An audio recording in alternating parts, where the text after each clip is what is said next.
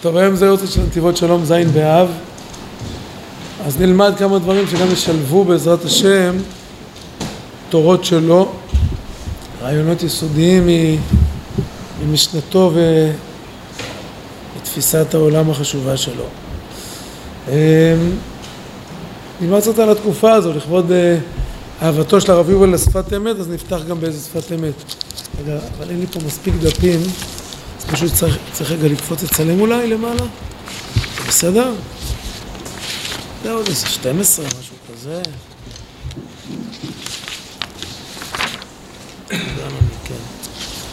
בסדר, תרפיעו עוד.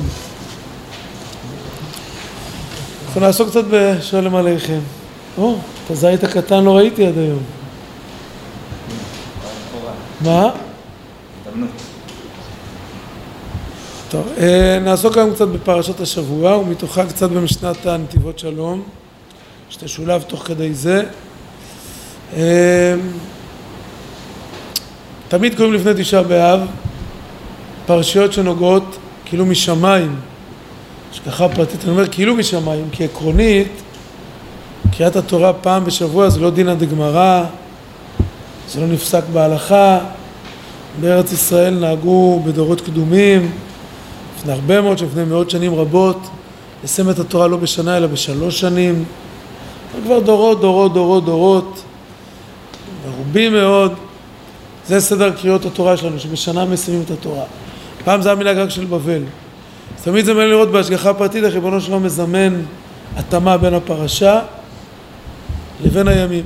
יש תמיד מהלכים חב"דיים כאלו. כי יש ממרה של בעל התניא, שצריך לצעוד עם הזמן. יהודי צריך לצעוד עם הזמן, זה נשמע משהו מאוד מודרני. בכוונת בעל התניא זה כשהוא צריך לשמוע פרשת השבוע, עצות לאותו שבוע. יש פעמים שהעצות נראות uh, קרובות, יש פעמים שהעצות ממש מובהקות, כיוון שאם בשבת שעברה קראנו בסוף פרשת מסעי את היורצייט היחידי בתנ"ך של אהרון הכהן, א' אב, תמיד קוראים את זה תמיד בצמידות לאלף אב, זה כאילו איזה ציוץ משמיים עבור דור הציוצים. ואם תמיד כאילו לפני תשעה באב, על החטא שבגללו היה תשעה באב, חטא המרגלים, אז זה כאילו קריאה אמיתית. מה משמעות הקריאה? נגיד את זה קצת בשפה פשוטה, קריאת התורה זה, צריך לדבר עליה קצת אחרת. זה לא שאנחנו קוראים בתורה. קריאת התורה, הכוונה היא שריבונו של עולם קורא לנו מזמין אותנו דרך קריאת התורה. זה נקרא היום בשפה מודרנית, הוא מזמין אותנו. קריאה, יש אתר כזה קריאה לפיוט. קריאה ל... קורא לנו, תקשיבו. הוא מדבר אלינו דרך קריאת התורה. וברור שקריאת חטא המרגלים בתורה זה לא מטרתה כדי לעסוק רק בחטא, הייתי אומר בסיבת החורבן. קריאת התורה עניינה תמיד לקרוא לנו להיות מודעים ממה נובע החטא כדי לתקן אותו. יש לרב קוק משפט שהוא מתכתב עם אחד מהסופרים בני זמנו שהאשים את היהדות בכך שהעולם התורני הדתי יש לו ועד לחיפוש חטאים. הוועד לחיפוש חטאים. אומר הרב קוק זצ"ל אין אצלנו ועד לחיפוש חטאים. בכלל אנחנו לא מתרפקים על חטאי העבר. מספרים שפעם הייתה איזה אישה נוצרייה שהגיע כומר חדש לעיירה. אז היא הלכה אליו ביום ראשון להתוודות על חטאיה. סיפרה לו בפרוטרוט את חטאי הנעורים שלה, עניינים של אהבות מקולקלות. כומר היה כומר צעיר, הוא מאוד מדבר בהכלה כמו פסיכולוגים של ימינו, מכירים את הנהון הראש הזה. תמיד אני שואל את עצמי על מה מטפלים מקבלים שכר כזה גבוה על שעת טיפול. אני אומר, בעיקר בגלל שרירי הצוואר. מכירים? הזדהות, המון הזדהות. הוא הזדהה איתה, הזדהה איתה, הזדהה איתה, ואמר לה, אני מאוד מבין גברתי, ואני רואה שזה מאוד קשה לך. זה בטח פעם ראשונה שאת מספרת את זה לכומר, בטח לכומר, שזו דמות חדשה, הגיע כומר חדש, מעיזה לספר לו. את כבר בת 80-90, אז בטח זה כבד לך, המון שנים לא סיפרת. ואומרת, לא, לא, לא, אדוני הכומר, אני תמיד הייתי מספרת. אומר, בטח, אבל זה קרה רק לעיתים, הוא אומר, לא, לא, כל יום ראשון הייתי בא אליו ומספרת. אומר, אז מה, הוא לא אמר לך אף פעם שנמחלו לך עוונות, שבעצם הווידוי נמחלו העוונות? נמחלו לך, את יכולה להיות רגועה. אומרת, לא, אדוני יעקב, אז למה תספרת כל פעם? אומרת, אני אגיד לך את האמת, נעים להיזכר. נעים להיזכר. חטאים לא מספרים עליהם כי נעים להיזכר. החטאים מספרים עליהם כי נעים לא להיזכר. אבל מבינים שכל זמן טיפלנו בסיפור, הוא איתנו. אם אתה לא מטפל בסיפור, לא מציף את מה שהיית בו, לא נוגע בו, מדחיק אותו. אחד הדברים הכי חשובים בטיפול זה שאדם שם על השולחן את הנקודה. אחד מגדולי המטפלים בכל מיני נפילות, אחד מהרבנים שמטפלים בנפילות של אנשים, הוא אומר לבן אדם כשהוא בא אליו, תכתוב על, תכתוב על דף לעצמך את כל הפעמים שנכשלת. כי יש לנו נטייה תמיד למזער את העניין, להקטין אותו, להדחיק אותו, להעלים אותו, שים על השולחן. בקריאת התורה, כאילו נגיד את זה בשפה מאוד מודרנית, מזמינה אותנו לאיזה סיור מודרך, וירטואלי, בחטא שהיה, כדי לטפל בזה. כי כל דור שלא נבנה בית המקדש בימיו, כאילו נחב. כל מה שלא טיפלת הוא אצלך, הוא איתך. אז הקריאה מזמינה אותנו להיות מודעים לסיפור, ותמיד גם התורה מספרת את זה בשפה שהיא עצמה מחייבת חשיבה. אני אולי אמחיש איזו דוגמה קטנטנה. נתחיל רגע פה באיזה תיאור קל. כאמור בפרשתנו משה רבנו מתאר לבני ישראל את חטא המרגלים. זה מאוד מעניין שחטא העגל יהיה רק בפרשת עקב. במשנה תורה זה לא עובד לפי הסדר הכרונולוגי. התיאור בתחילת דברים בנאומים, שנייה בואו ניכנס למסגרת רגע. ספר דברים הוא נאמר בתקופה קצרצרה. בעוד שספר בראשית מתפרס על אלפיים ומשהו שנה, קרוב לאלפיים וחמש מאות שנה, ואברהם אבינו נולד, נולד ב-1948. זה ספר בראשית. ספר דברים, סך הכל, אורך כחודש וחצי. כתוב בתחילת הספר את התאריך, מתי משה רבנו מתחיל לנאום בפני עם ישראל. 12 חודש באחד לחודש, היינו א' שבט. משה רבנו מסתלק לבית עולמו שזה סוף ספר דברים, לפי מסורת חז"ל בזין שבט, זין אדר. סך הכל חמישה שבועות. שלושה נאומים ענקיים, נאומים שהם צידה לדרך לקראת ההליכה לארץ ישראל. יש פה דור שהיה צעיר במלאכת המרגלים, והיה ילד, הוא לא ידע כלום. כל אחד מאיתנו מכיר בתהליכי, כל פעם שאנחנו מתבגרים, אתה רואה את הצעירים, אתה אומר, הוא לא יודע כלום מה שקורה פה. הוא לא מבין מה קורה פה בכלל. לא יקר לו כל המפעל הזה. נאורה בשבילו, זה ברור. לא מבין איזה מעמד זה בשביל להקים את המקום הזה. אז לא אכפת לו, הוא יכול לזרוק. זה יהיה, זה יסתדר, זה ישרוד. מדינת ישראל תשרוד, מה זה חשוב? נקרא אותה מפה, נקרא אותה מפה, נקרא אותה מפה. נעשה אחרי זה אקזיט ונשווק אותה מחדש. חביבי, זה לא כך. אלפיים שנה חיכו למוצר הזה. זה לא מוצר מתכלה, תהיה זהיר בו, אדוני. תהליך כזה קשה שעם ישראל עבר, של גלות, של חורבנות, של שמדות, של ייסורים, של גלות נוראה. תהיה זהיר מה שיש פה. תמיד צריך לספר לדור הקודם. משה רבנו זה מה שהוא עושה. אבל משה רבנו הרי נואם שצריך להעביר להם את המבט האלוקי. זה לא מבט של פרשן שמתחרה בפרשן השני ברשת הבאה. מי ינתח יותר טוב. פרשנים, מה אכפת לו? מי שמכיר עמדת הפרשנים תמיד זה מבחוץ. דן על הכל, כאילו זה משחק כדורגל. מה זה משנה איזה קבוצה תנצח? לא. פרשנים תמיד נשמעים מאוד מנוכרים לסוגיה. משה רבנו הוא לא פרשן, הוא איש האלוקי. הוא מספר את המבט האלוקי על מה שהוא רוצה להעביר אלינו. אז הוא מתאר את חטא המרגלים. יש פה טור שכשקוראים אותו, סליחה, אמרת האמת, זה אמור, כל מי שאכפת לו מ... תודה רבה. מקצתי הכתובים, אמור לתאר את זה קצת אחרת. אני קורא לכם. כמה הבדלים קלים, בסדר? כמה הבדלים קלים. פסוק כ"ב זה פרק א', ותקרבון אליי כולכם ותאמרו נשלחה אנשים לפנינו ויכפו לנו את הארץ. אני אעשה את זה כמו בסרטון וירטואלי. כזה שקופץ פתאום משהו. נכון או לא נכון? אמת או לא אמת? ותקרבון אליי כולכם ותאמרו נשלחה אנשים לפנינו. למה לא נכון? פרשת שלח בספר במדבר, שלח לך אנשים, אז ממי באה היוזמה? ריבונו של עולם, דרך משה רבנו. פה כתוב, ממי באה היוזמה? ישראל. טוב, הלאה. אני מדלג כמה פסוקים. ויקחו בידם, הם עולים לטור את הארץ, ויקחו בידם מפרי הארץ ויורידו אלינו וישיבו אותנו דבר ואמרו טוב הארץ אשר אדוני אלוהינו נותן לנו. אמת או לא אמת? למה לא? שישית. מי אמר טוב הארץ? פה כתוב ויורידו אלינו וישיבו אותנו דבר. מה משמע? מי ישיב לנו את הדברים האלו? כולם. 12 איש. הלוואי. זה לא היה סיפור. מי ענה ככה, טוב הארץ מאוד מאוד? שניים, יהושע וכלב, כל השאר לא.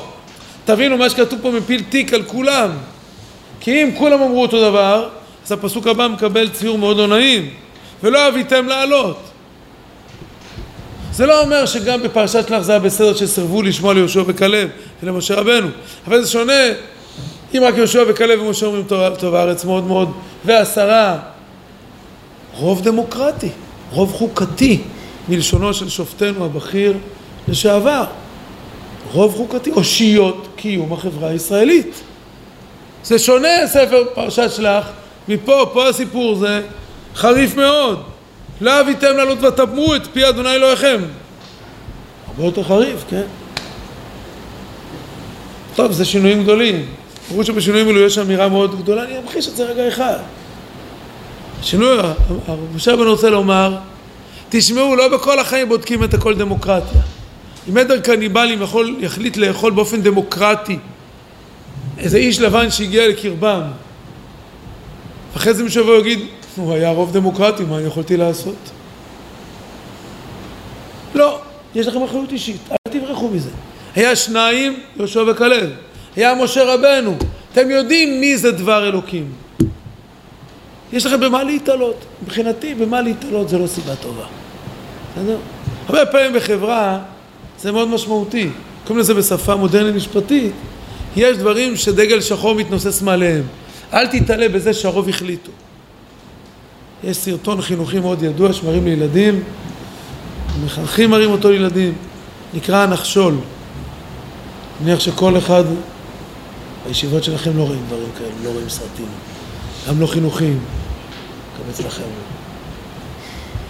מראים מורה אמריקאי שמלמד את התלמידים שלו היסטוריה והם לא מאמינים שקרה דבר כזה בגרמניה הנאצית יימח שמה, לא מאמינים אז הוא מחליט לעשות להם קורס בנאציזם הוא הופך אותם לנאצים קטנים תוך שבועות ספורים והוא מראה להם כמה זה קשה באווירה סוחפת להיות איזה יתד לא תימות והאמת היא כך מספר מנשה, בא בחלום בגמרא בסנהדרין והוא מספר שם לאמוראים, אומר אם הייתם בדורי הייתם מרימים את הג'לביה ורצים לעבוד עבודה זרה. אתם לא מבינים את הסיטואציה, את התקופה. קשה לפעמים לאדם לעמוד בפרץ. אבל התורה רוצה להגיד לו אדוני קשה, אבל תעמוד. איך אומרים בסלנג הישראלי? תהיו חזקים חברים. תהיה חזק. אז מה אם אמרו פה הרוב? אז מה אם העירייה צובעת את כל העיר בצבע מסוים? כזה גם אני צריך להגיד להשתחוות לזה? לא. איך אני עושה את זה? נעים? לא נעים? זה שאלות אחרות. ודאי צריך לעשות תמיד הכל מאוד בדרך טובה. אבל אני לא אמור לבטל את דעתי.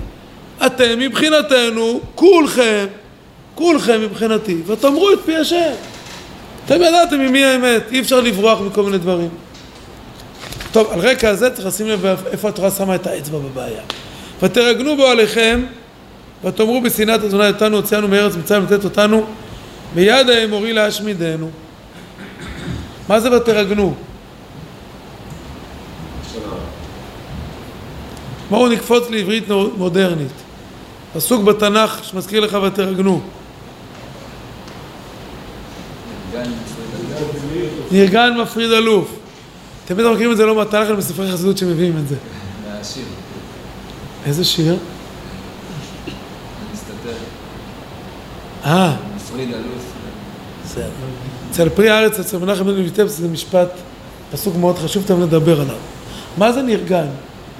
עוד פסוק בקהלת, נו, יש פה בקיאים תנ"כיים. אז בואו נלמד שפת אמת כרצונו של מרן, אה, מרן הרב יובל, שפת אמת הקהילתי, השבועי, הנה, לפניכם, שפת אמת.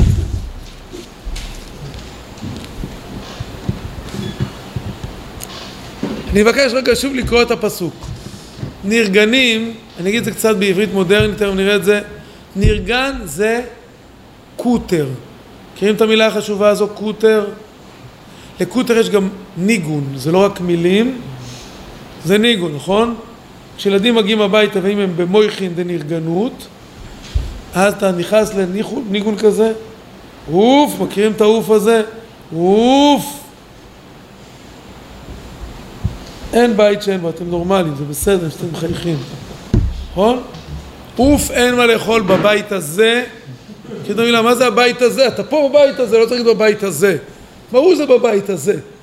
זה לא ש... במדינה יש מה לאכול, הנה לך פה לרשתות, יש מה לקנות, נכון? עכשיו, זה תמיד, אין מה לאכול בבית הזה, ואז מגיע ההורה, עוד יותר השר, אומר, אין מה לאכול, מלא, מלא, מה שאתה רוצה.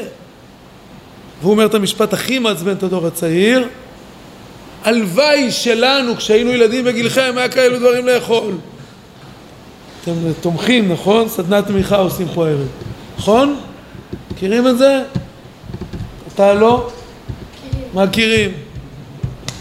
נכון? אז למה זה נרגע? אם, אם ישמיעו לנו את עצמנו פעם בקלטת כזו אחרי, זה משהו מאוד מביך. עוד יותר זה קורה בטיולים. אוף, לא שווה הטיול הזה. אין מעיינות, לקראת בין הזמנים, לא טיול שווה. נכון? יש דור שהוא חייב מאין מוקש לאין היה. מאין היה לאין ג'וחדר. נכון? כל הזמן מעיינות. ככה היה במדבר. אין מים, אין זה, אין זה, אין זה. אז מה זה נרגן? זה קוטר. מבט כזה, כל הזמן מתלונן. נרגן זה מתלונן סדרתי. שפת ברסלב נקרא לו מתלונן האמת. קוטר האמת. הוא היה פעם, הרב צודה אמר פעם לרב רמר זצ"ל, צודה אמר לו, אתה משקר. אז הרב רמר אמר לו, הרב, אם אני שקרן, תזרוק, למה אתה מחזיק אותי בישיבה? אתה מחזיק בישיבה אוכלים שקרנים? הרב צודה אמר לו, לא אמרתי שאתה שקרן, אמרתי שאתה משקר. מה ההבחנה? יש אחד שהוא מתקמץ, עכשיו הוא מתקמץ, יש אחד שהוא קמצן, יש אחד שהוא כועס, יש אחד שהוא כעסן, כן? התלבשנו פה במידה של נרגנים, ותרגנו בעליכם ותאמרו בשנאת אדוני אותנו הוציאנו מארץ מצרים לתת אותנו ביד האמורי להשמידנו. מה אומר הנרגן? בואו נראה את השפת אמת. בפסוק ותאמרו בשנאת השם, זה הפסוק שאנחנו לומדים. אתה רוצה לראות איתי את המקור? בוא תביא כיסא. מה? נגמרו. אבל אתה יכול לשבת איתי, אפשר לשבת איתי פה, נשב יחד. ותאמרו בשנאת השם וכולי. על זה דרשו חז"ל. נתנה עליי בקולה וכולי. שנייה מילה, מכיוון שפה בקיאים בשפת אמת, אינני בא לחדש משהו בכל הידיעות בשפת אמת, אבל אני מזכיר שבגור התורות מאוד מאוד מאוד קצרות, בונים על זה שאתה יודע, בונים על זה שאתה גם תחפש, תעבוד. שונה מתורות חב"דיות, שכותבות הכל מאוד מאוד מאוד בהרחבה, הרחבה תובענית, אבל הרחבה. שונה מהנתיבות שלום שכותב את הכל בהרחבה, הוא מאבד עבורך, אבל הוא פולח אל הלב, אתה רוצה שהוא מאבד את זה, אם אתה קורא את זה ביישוב הדעת, אתה יחד איתו עובר את התהליך. שפת אמת המשפט הכי חשוב, השמיט פה וכתב אותו פה וכולי. הנביא אומר על כנסת ישראל, נתנה עליי בקולה על כן שנאתיה. שימו לב לגזרה שווה רעיונית שמשתמש בה שפת אמת. בפסוק ותאמרו בשנאת השם, על זה דרשו חז"ל, נתנה עליי בקולי על כן שנאתיה. מה פשט המדרש הזה? זה מדרש נפלא. למה היא חושבת שאני שונא אותה? כי כשהיא צעקה עליי, נתנה עליי בקולה, אז היא מדמיינת שגם אני כועס עליה. מכירים את זה שלפעמים ילד מרים את הקול בבית, ואימא קצת עצבנית באותו יום מתוחה, אומרת לו, תפסיק לצעוק פה בבית הזה! נכון? כלומר, או כשאתה רואה מישהו צועק עליך בדרך, אתה רואה שהוא צועק, אתה אומר לו, אל תצעק עליי! עכשיו, גם אם הוא לא צעק, רק הוא דיבר בטלפון והוא לא שומע טוב, ויש לו מוזיקה ברכב, הוא לא צעק, הוא רק חשב שאתה רק ככה תשמע. עכשיו ברור מה קורה, הוא בטח יצעק. נהיה הצעקות הדדיות. היא חושבת שאני שונא אותה, נתנה עליי בקולה. על כן, היא חושבת שאני שנאתיה. היא יצרה איזה דו-שיח, נקרא לו בשפה המודרנית שלנו, יצרה איזה דו-שיח אלים בדיבור בינינו. עוד יותר מודרני, נקרא לזה דו-שיח של שנאות. מכירים את המילה הישראלית המאוד מתורבתת הזאת. יצאו פה אווירה של שנאות, של שנאה הדדית. הוא מסביר. וזה גרם כל החורבן. בואו נסביר את זה בשפת חז"ל. יש פה את המדרש מתחת לשפת אמת. ותישא כל העדה ויתנו את קולם. עכשיו שימו לב לגזרות שוות רעיוניות שהוא עשה. הוא הביא את הפסוק המדרש נתנה עליי בקולה. כנגד איזה מילה זה בפרשתנו? בפרשת שלח למען דיוק? ויתנו את קולם. ממש נתנה כנגד ויתנו. רואים איזה גאוני המדרש. מה עשה בעל הממרה במדרש? הוא חיפש מילים מקבילות. פה כתוב ויתנו את קולם, ופה כתוב נתנה עליי קולה. ברור שזה לשון כנגד הלשון הזו. זה שאמר הכתוב דברי נרגן כמתלהמים והם ירדו חדרי בטן. מה קורה לדברי קוטר או דברי ממורמר או דברי מתלונן סדרתי כזה שהם נורא מציקים. נורא מח... הם, הם יכולים להעכיר אווירה עד בלי די. אמא עשתה ארוחה נפלאה, טרחה, עמלה, ההורים עשו הכל, ובסוף ילד אחד עם זה שאין צ'יפס או אין קטשופ לצ'יפס יכול להשמיד את הארוחה הזו. מה אין קטשופ? כן, אין קטשופ. נכון, איך ילדים בודקים ארוחה? מה המנה האחרונה? מכירים את השאלה הזו? מה המנה האחרונה? מה אין מנה אחרונה? שהם יכולים להחריב את הכל. כל הטוב שנבנה, אתה מחריב אותו. זו סגולה נפלאה, חזרתם איתי שלושה ארבעה ימים, ילדים סביב השאלה מי ישב בכיסא האחורי, מי בכיסא הקדמי, יכולים את כל הטיול לקבור, להחריב אותו. מה בעייתם של דברי הנרגנים? שהם ירדו חדרי בטן. זה כמו מהלומות, כמתלהמים. זה נותן לך מכות מרוב שהוא סתם מקטר. מה הדברים? דברים שריגנו אחר הקדוש ברוך הוא גרמו להם צרה גדולה. אני קצת מדלג פה כמה מילים, אם אתם יכולים, איזה חמש שורות. ותישא כל העדה ויתנו את קולם זה שאמר הכתוב נתנה עליי בקולה על כס נטייה אותו קול שבכיתם גרם לכם להיות צנועים מה הם אמרו? חשבו השם שונא אותנו בשנאת השם אותנו אבל למען האמת זה לא כך זה גרם לכם להיות צנועים תראו בבקשה אני מדלג לעוד מדרש. מדרש תנחומה למטה יפהפה ותקרבון אולי כולכם זה פרשתנו כבר. ותאמרו נשלחה אנשים לפנינו וכתיב ותרגנו בהולכם ותאמרו בשנאת השם אותנו הוציאנו מארץ מצרים קדוש ברוך הוא אומר להם בסדר רואים? אהבתי אתכם והם אומרים בשנאת השם אותנו הוציאנו איך זה קורה? מצאת תנחום מצד ימין למטה? איך זה קורה? כמו שם אומר אני אוהב אתכם אתה אומר בשנאת השם אותנו איך זה קורה? אמר רבי יוסי ברבי חנינא שונה אותה בשם רבי ישמעאל משל הידיעות אומר מה בליבך על חברך מה שבליבי עליי בשנאת השם אותנו דורשים אומרים תדע לך שהוא שונא אותנו נסביר שלמה המלך אומר במשלי כמיים פנים לפנים מה הכוונה? מה זה כמה לפנים? הסתכלת למראה, למים, חייכת, היא מחייכת לך. מי שראה פעם כלב מתעצבן על הכלב שהוא רואה במים, מכיר, זו תופעה מאוד מוכרת. יש סרטון כזה על פלוטו, נדמה לי. איך הוא רב עם איזה כלב במים, כן? וכל הזמן יש לאדם מריבה שהיא נובעת למעשה, היא תמיד, המראה עושה לי שיקוף של מה שקורה אצלי. כשאני אומר למישהו, למה אתה כועס עליי? זה מדבר על מעיד, אם הוא לא כועס עליי, מה זה מעיד? שאני כועס עליו. אז אני כך שופט את המציאות. יש איזה מבט, שהמבט הזה נמצא אצלי בפנים, ועל פיו אני שופט את המציאות. כשאומרים בשנאת השם אותנו, הוציאנו, אתם חושבים שהוא שונא, כי אתם נמצאים בעמדה כזו. אז ככה אתם שופטים את המציאות. אני חוזר לשפת אמת. וזה, בפסוק ותאמרו בשנאת השם, על זה דרשו חז"ל, נתנה עליי בקולה על כס נטייה. זה גם כל החורבן, מכל שכן, שיש לנו ללמוד שמידה טובה המרובה. כשבני ישראל מקבלים ייסורי הגלות באהבה ומאמינים כי הוא חסד השם יתברך כמו שנאמר את אשר יאהב השם יוכיח. לכן בני ישראל הם מדוכאים בעולם יוכל להיות זאת מפתח של גאולה. מה קורה בטיב היחסים בין הבורא יתברך לבין ישראל? סביב חטא המרגלים. מגיעים לארץ והיא טובה מאוד מאוד. יש בה כל מיני קשיים מסוימים נקודתיים.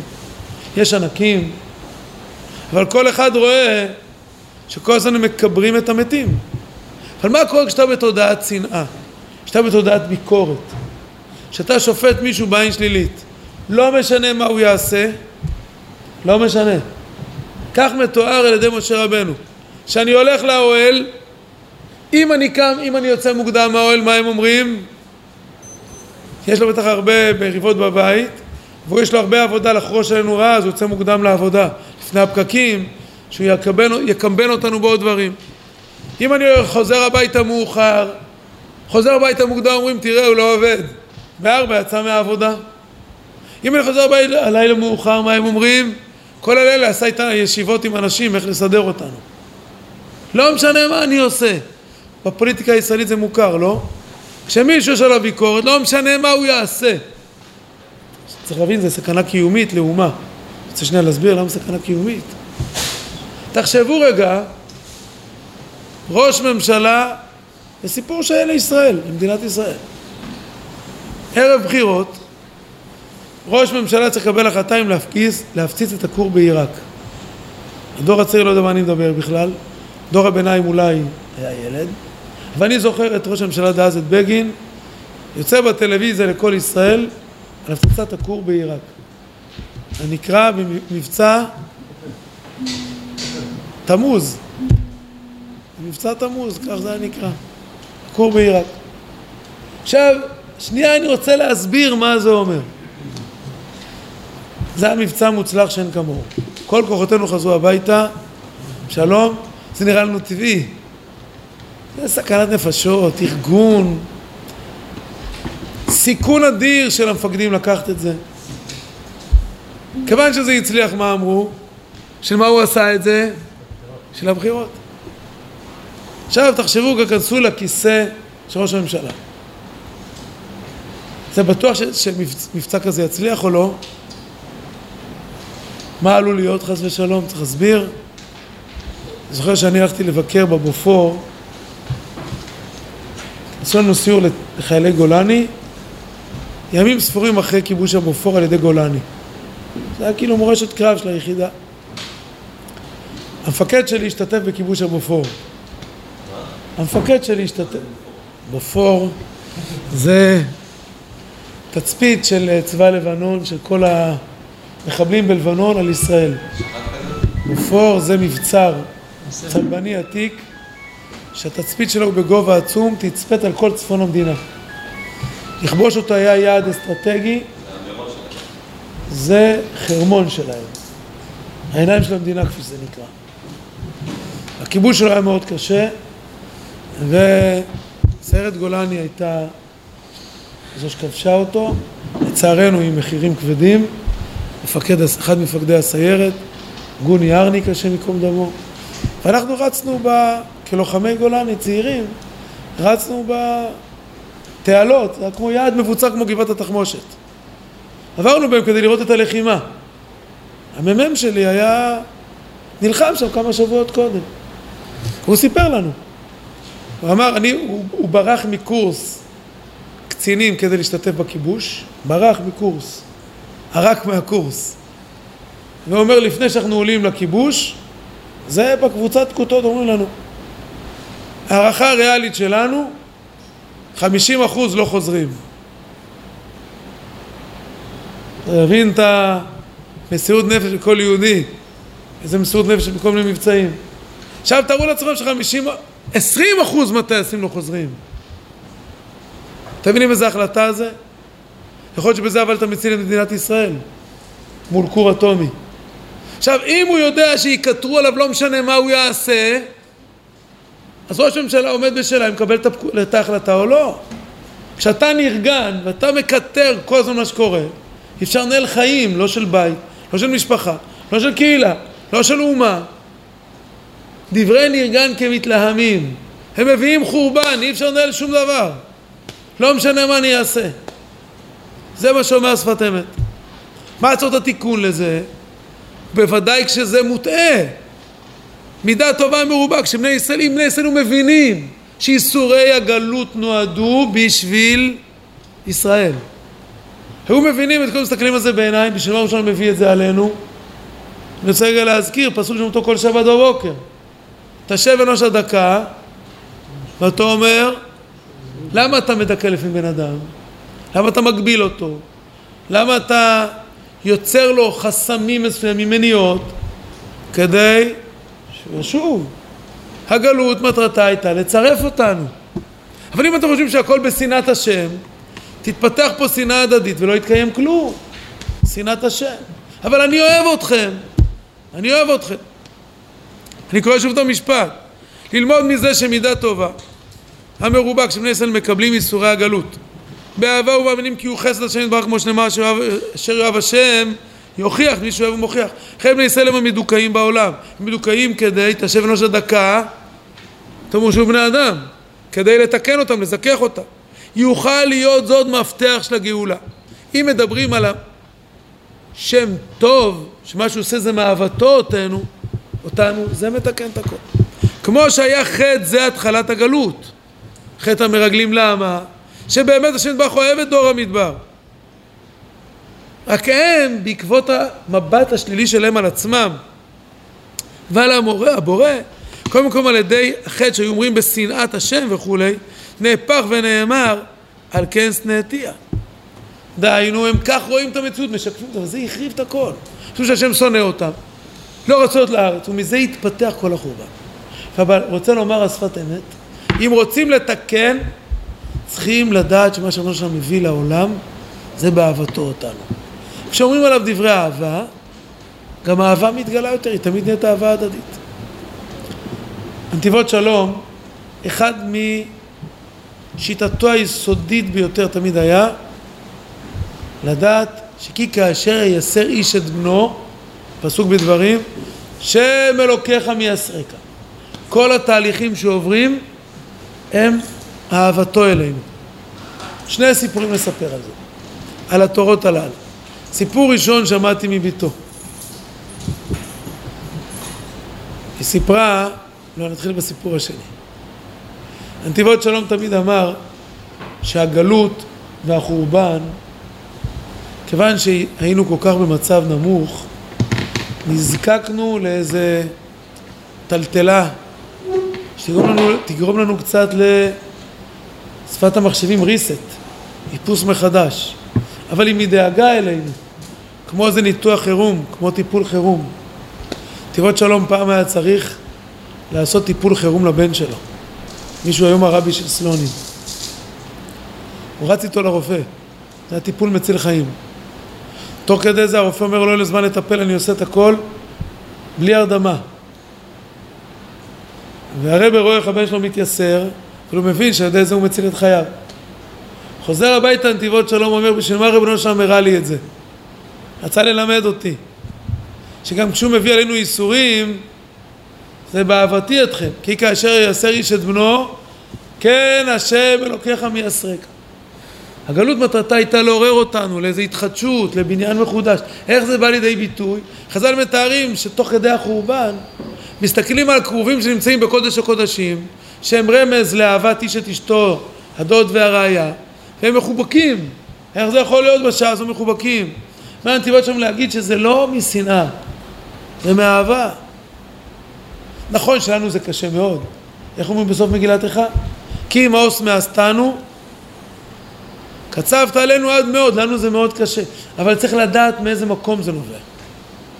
תיבות שם כל הזמן דיבר על המבט הזה, האם כשקשה אתה הופך את זה למבט שאתה יוצר איתו משהו של בניין ויצירה, או שאתה כשאתה נמצא לך איזה קושי, אתה חושב שכל העולם נגדך, כל העולם רוצה לסדר אותי, ריבונו של עולם נגדי, ואז אתה אומר בשנאת השם אותנו, ואתם נכנסים למבט של נרגנים,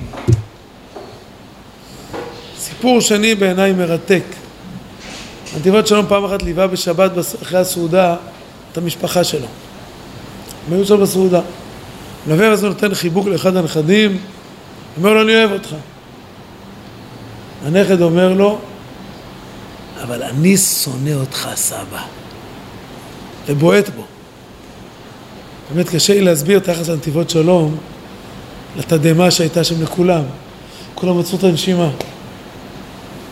מה הייתם עושים בשלב הזה? נעלבים, לא?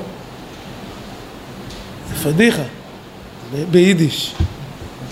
הנתיבות שלום עוצר שנייה ואומר לו, אבל אני אוהב אותך. הילד אומר לו עוד פעם, סבא, אבל אני שונא אותך. מלחמת מוחות. הנתיבות שלום אומר לו עוד פעם כעבור כמה שניות, אבל אני אוהב אותך. ככה יש שם לא יודע כמה זמן קרב מוחות כזה. ואז הנכד פתאום פורץ בבכי, נותן חיבוק לנתיבות שלו ואומר לו, סבא, גם אני אוהב אותך. זה הנתיבות שלו. זה סיפור חטא המרגלים. אתם חושבים שזה בשנאה, אבל אהבתי אתכם, אמר השם. אתם לא מבינים שזה נובע משם. הנבואה הכי קשה בשנה היא חזון שיהו בן אמוץ. נקרא אותה השבת. מסתתר במילים מאוד קשות. סוררים, משחיתים, נזור רוח חור. מסתתר בעוולות משהו חשוב מאוד. מחלוקת בין רבי מאיר לרבי יהודה. רבי מאיר אומר בין כך ובין כך קרויים בנים, לא משנה מה עושים. רבי יהודה אומר לא, רק אם מתנהגים יפים קרויים בנויים בנים. רבי מאיר מביא ראיות מכל התנ"ך. אחת הראיות היא מהפטרת חזון. זרע מרעים בנים משחיתים, אומר רבי מאיר, אף פי שמשחיתים נקראים בנים. עכשיו בואו נשים לב מה קוראים בשבת הכי קשה של השנה. מה קוראים? משחיתים. אבל מה אני רוצה להגיד לכם? אתם בנים, לא מתאים לכם להיות משחיתים. המטרה בתשעה באב זה לא להבין רק את החורבן. לפי שהחורבן נועד לחדש בנו משהו. כמו שמסתיים, חדש ימינו כקדם. ומאהבה, לפעמים מאהבה אין ברירה, נותנים גם למישהו זעזוע. ומסתתרת בו תקווה ואהבה חדשה. אני רוצה לקרוא איזה משפט אחד לסיום. יש פה משפט מאוד אהוב עליי, אמרתי שנדבר קצת על נתיבות שלום, זה משפט בזוהר, ממש ממש ממש בסוף, על אהבתי אתכם. משפט ממש בסוף שאני מביא. הרבי מסלונים הרבה פעמים מבקש מהחסידים שילחינו שיר על מילים מסוימות. הוא בחר את המילים האלו, ביקש שיסירו עליהם ניגון. מסלונים הוא ניגון מאוד חשוב היום. אמר רבי יהודה אלמלא אהבו ידין בני נשה, היו יודעים בני אדם. רחימותא דרחים קודשא בריחו לישראל. כמה אהבה אוהב הקדוש ברוך הוא את ישראל. אבו שאגין ככפיריה למירדפא בתרי. היו שואגים כמו כפיר אריות לרוץ אחריו. מושכני אחריך נרוצה. אני אוהב את הזוהר הזה מכיוון שיש עוד סיבה. רבי יהודה הוא בר הפלוגתא של רבי מאיר. תמיד הוא אומר רק אם מתנהגים כמו בנים נקראים בנים. מי חתום פה על אמירת האהבה הזו? רבי יהודה. תגיד כך שבזוהר, כשזה בניסטר, גם רבי יהודה פוסק כמו רבי מאיר. רק צריך להיות מודעים לזה, כמה רחימותא, כמה אהבה יש פה. אהבה שאינה תלויה בדבר. תשעה בה מתגלה איזה סוד פנימי, שתוך כדי ההלקאה הנוראה שספגנו, מאז דורות. אי אפשר גם לא לציין, להזכיר, שגם הגירוש מגוש קטיף תוכנן לתשעה באב. לא יודע למה שינו את התאריך. אני תמיד נטיתי אז לומר שיותר טוב שלא ישנו את התאריך. אם כבר מגרשים, שיהיה ברור שזה חלק מחטא המרגלים, שאחרי זה צריך להתנתק ממנו. כן? אבל המטרה היא לזכור שתשעה באב בתוכו מסתתרת אהבה גדולה מאוד. זה למענכם אני עושה בית ישראל. ואם היו מודעים לזה, הכל המערכת היחסים משתנה. בוודאי בדור שזוכים להארת פנים כל כך גדולה. צריכים להיות מודעים לזה. ומתוך זה לבנות מחדש את התשובה ההדדית. שיבנו השם לכם לשובה, וגם אנחנו שווים אליו. על ידי זה מתחדשים ימינו כקדם, שהם הבאים לקראתנו, שהם ימים שכל בית ישראל בוכה את השרפה ששרף השם. לזכור בתוכך מסתתר בתוכה אהבה, זה תוכחת מגולה, כמו שאומר אבן עזרא, אבל בתוכה יש אהבה מסותרה שמטרתה לחדש נעורינו כקדם, לחדש את האהבה, לחדש את הבניין, את היצירה שבנה בית המקדש במהרה בימינו. בשורות טובות.